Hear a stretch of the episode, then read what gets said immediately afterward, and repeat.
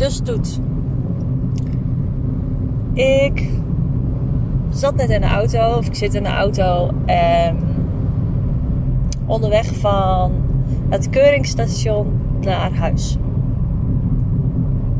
Bij het keuringsstation stond ik even eruit te wachten eh, om mijn auto te laten keuren. Ik was een paar dagen over tijd, dus uh, nou, uiteindelijk niks in de hand. Hij is goed gekeurd op een klein dingetje dat ik even moet laten vervangen. Maar verder is hij helemaal goed gekeurd, kan ik er weer tegenaan. Een tussenstop gemaakt bij oma van Anneke. Anneke was daar aan het werken in de tuin, was vlak bij het keuringsstation. En uh, daarna naar huis gereden. En toen besloot ik om lekker tussendoor te gaan rijden.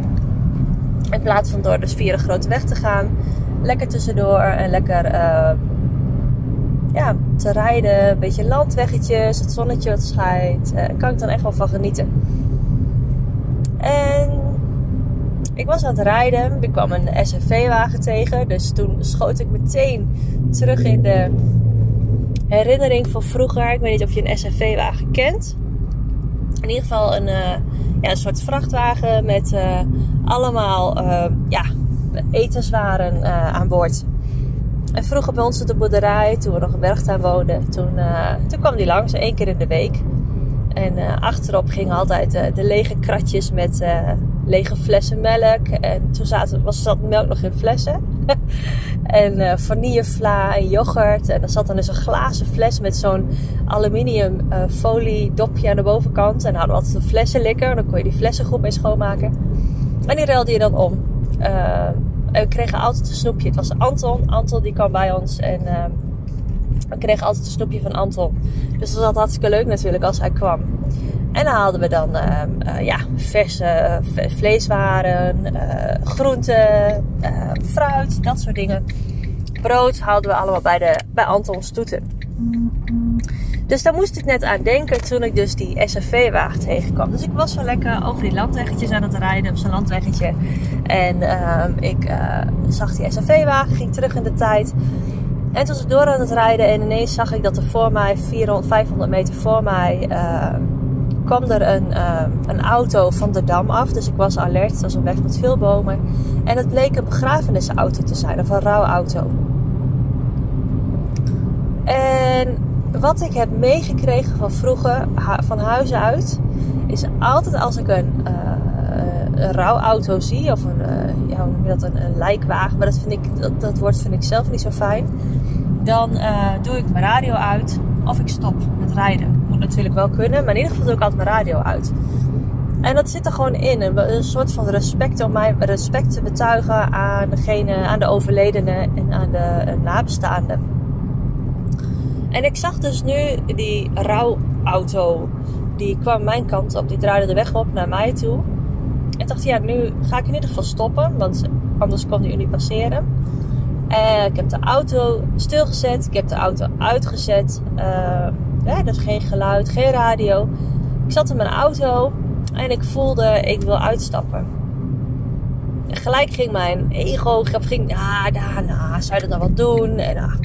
En ik voelde gewoon, ik wil uitstappen. Ik wil mijn steun betuigen op een manier zoals ik dat nu kan doen. Ik heb geen uh, tijd. Ik heb geen, uh, weet je, ik, ik, zit niet op de klok. Ik heb nu de tijd. Uh, en ik stapte uit. Ik ging achter mijn auto staan, dus naast mijn auto aan de achterkant. Ik heb mijn jas even dichtgeknoopt. Voor mijn gevoel wat netter. En daar kwam de rouwstoet. Die kwam. En de zon brak door. Het was echt zo'n bijzonder mooi moment. De zon brak door en uh, voor de rouwauto liep de uh, uitvaart uh, begeleider, zeg maar. Ik kom even niet op het woord, maar in ieder geval een man liep daar. Een heel mooi grijs pak, dat is een lichtgrijze auto. En hij knikte naar me en hij zegt, dag, bedankt. En op dat moment begon de zon nog harder te schijnen en ik kreeg een brok in mijn keel en toen voelde ik, yes, het is goed dat ik hier sta. Het is precies helemaal goed en fijn. En ik vind het ontzettend fijn dat ik mijn steun kan betuigen. En uiteindelijk, ik heb het, nadien heb ik de auto's heb ik geteld. Niet tijdens het uh, steunbetuigen, maar daarna. En totaal waren het 21 auto's, inclusief de rouwauto. En ik heb bij elke auto heb ik de mensen aangekeken. En heb ik hardop sterkte gezegd. Met een knikje. En ik kreeg, nou, ik denk van drie auto's. Uh, die keken, een aantal mensen keken ook voor zich. En uh, uh, toen zat ik ook bij mezelf te denken. Ik heb ook wel eens een, een rouwstoet gereden. Hè? vorig jaar nog met mijn oma. En het was in coronatijd. Dus was natuurlijk sowieso een andere tijd. En ik merkte dat ik soms het lastig vond om mensen aan te kijken. Omdat het dan een beetje een soort van, ja, ongemakkelijk kwetsbaar was. Of, uh, maar nou, we, laat me zeggen, 17 auto's, 17 mensen, 17 auto's met de passagiers. De een die hebben me aangekeken en ik kreeg een duimpje en ik kreeg een hand, uh, een, zwaaitje, een paar duimpjes of van ja mooi, dankjewel. Maar ook allemaal even contact, dankjewel. En wat ik me besefte en wat ik voelde en wat ik nu nog steeds voel, dat het dus, het maakte niet uit dat ik, dat ik ze niet aan kon raken. Het maakte niet uit dat ik ze, dat ze mij niet konden horen. Uh, dat ik hun niet kon horen. Het ging om het gebaar. Het gevoel. En dat vond ik zo mooi. En toen keek ik om me heen en ik zag toen ik um, toen de rouwauto langs mij reed, vlak daarvoor, zeg maar, toen hij naar me toe kwam. Toen gingen er ineens, want ik stond tegenover een huis met een heel groot grasveld aan de voorkant. Prachtig. Uh, ken ik ook een verhaal van van vroeger, dus daar was ik ook eerst al een beetje over na te denken. Oh, hier woont hij en hij van vroeger. En er waren ineens twee fazanten, die waren achter elkaar aan het rennen. Twee mannetjes. De ene rende achter het andere mannetje aan. En als je wat langer volgt, dan weet je dat ik wat met vogels heb. En dat ik onder andere altijd bij ons thuis loopt er ook een fazant. En uh, als, ik die, als we die voor het eerst hebben gehoord, Anneke of ik, dan is het echt, oh, ik heb de fazant weer gehoord. Dat is altijd zo'n momentje. En nu zag ik echt de zon, twee hele mooie fazanten, die waren achter elkaar aan het rennen over het hele lange grasveld. Ik kon ze helemaal nakijken. En dus die 21 auto's en bij elke auto kon ik sterkte wensen, kon ik mijn steun betuigen.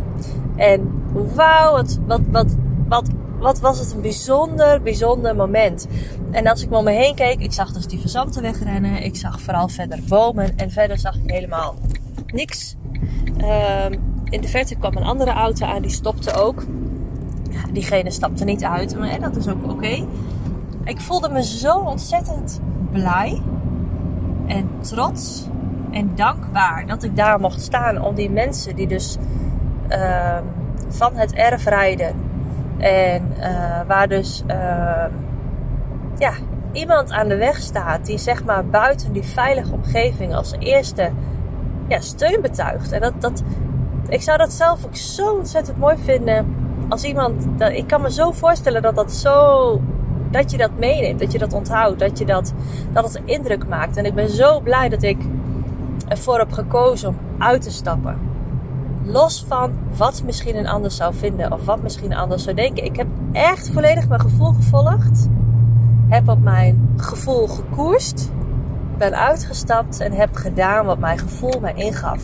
En yes, ik ben er zo blij om en ik ben er zo trots op. En ik weet zeker dat ik een indruk heb gemaakt. En als ik dan een, um, een rivier voor me zie of een, een watertje voor me zie, en dan weet ik zeker dat ik heb gezorgd voor kringen in het water van de ander. Dus dat ik, een, hè, dus dat ik heb gezorgd voor een beweging, voor een uh, bijdrage. In ieder geval, voor mij heeft het echt wel. Uh, ja, dat is wel iets wat ik me zal herinneren.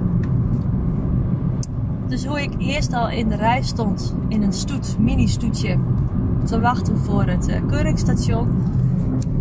Was ik vervolgens toeschouwer en ook deelnemer van een rouwstoet op deze bijzondere dag, op 23 februari, uh, heb ik het verschil gemaakt. Voor mij en zeker weten ook voor de anderen. En daar vertrouw ik op. Ah, dus daar ben ik heel dankbaar voor en heel blij om. En, uh, en wat ik jou gun en wat ik je wens, is dat jij ook voor iemand het verschil maakt. Los van wat een ander er misschien van vindt. Of zonder eerst toestemming te vragen van een ander. Uh, volg daarin echt je gevoel. En als het voor jou klopt, dan, dan klopt het voor de ander altijd ook. Als je het vanuit een zuivere intentie doet, vanuit een goede intentie. Het kan van alles zijn. En het hoeft niet altijd per se, juist in deze tijd dat je dus eigenlijk aan wordt geleerd om bij elkaar uit de buurt te blijven. Om elkaar uh, te ontzien. Hè? Uh, vooral niet te belasten met je eigen bacillen, met je eigen hoestje. Want oh, stel je voor dat je een ander belast of uh, dat je een ander besmet. Of oh, oh, oh, oh. Juist nu in deze tijd, met afstand, dwars door ramen heen, in mijn geval dwars door de ramen van een auto heen, kun je verschil maken en kun je toch met iemand connecten en uh, in contact komen.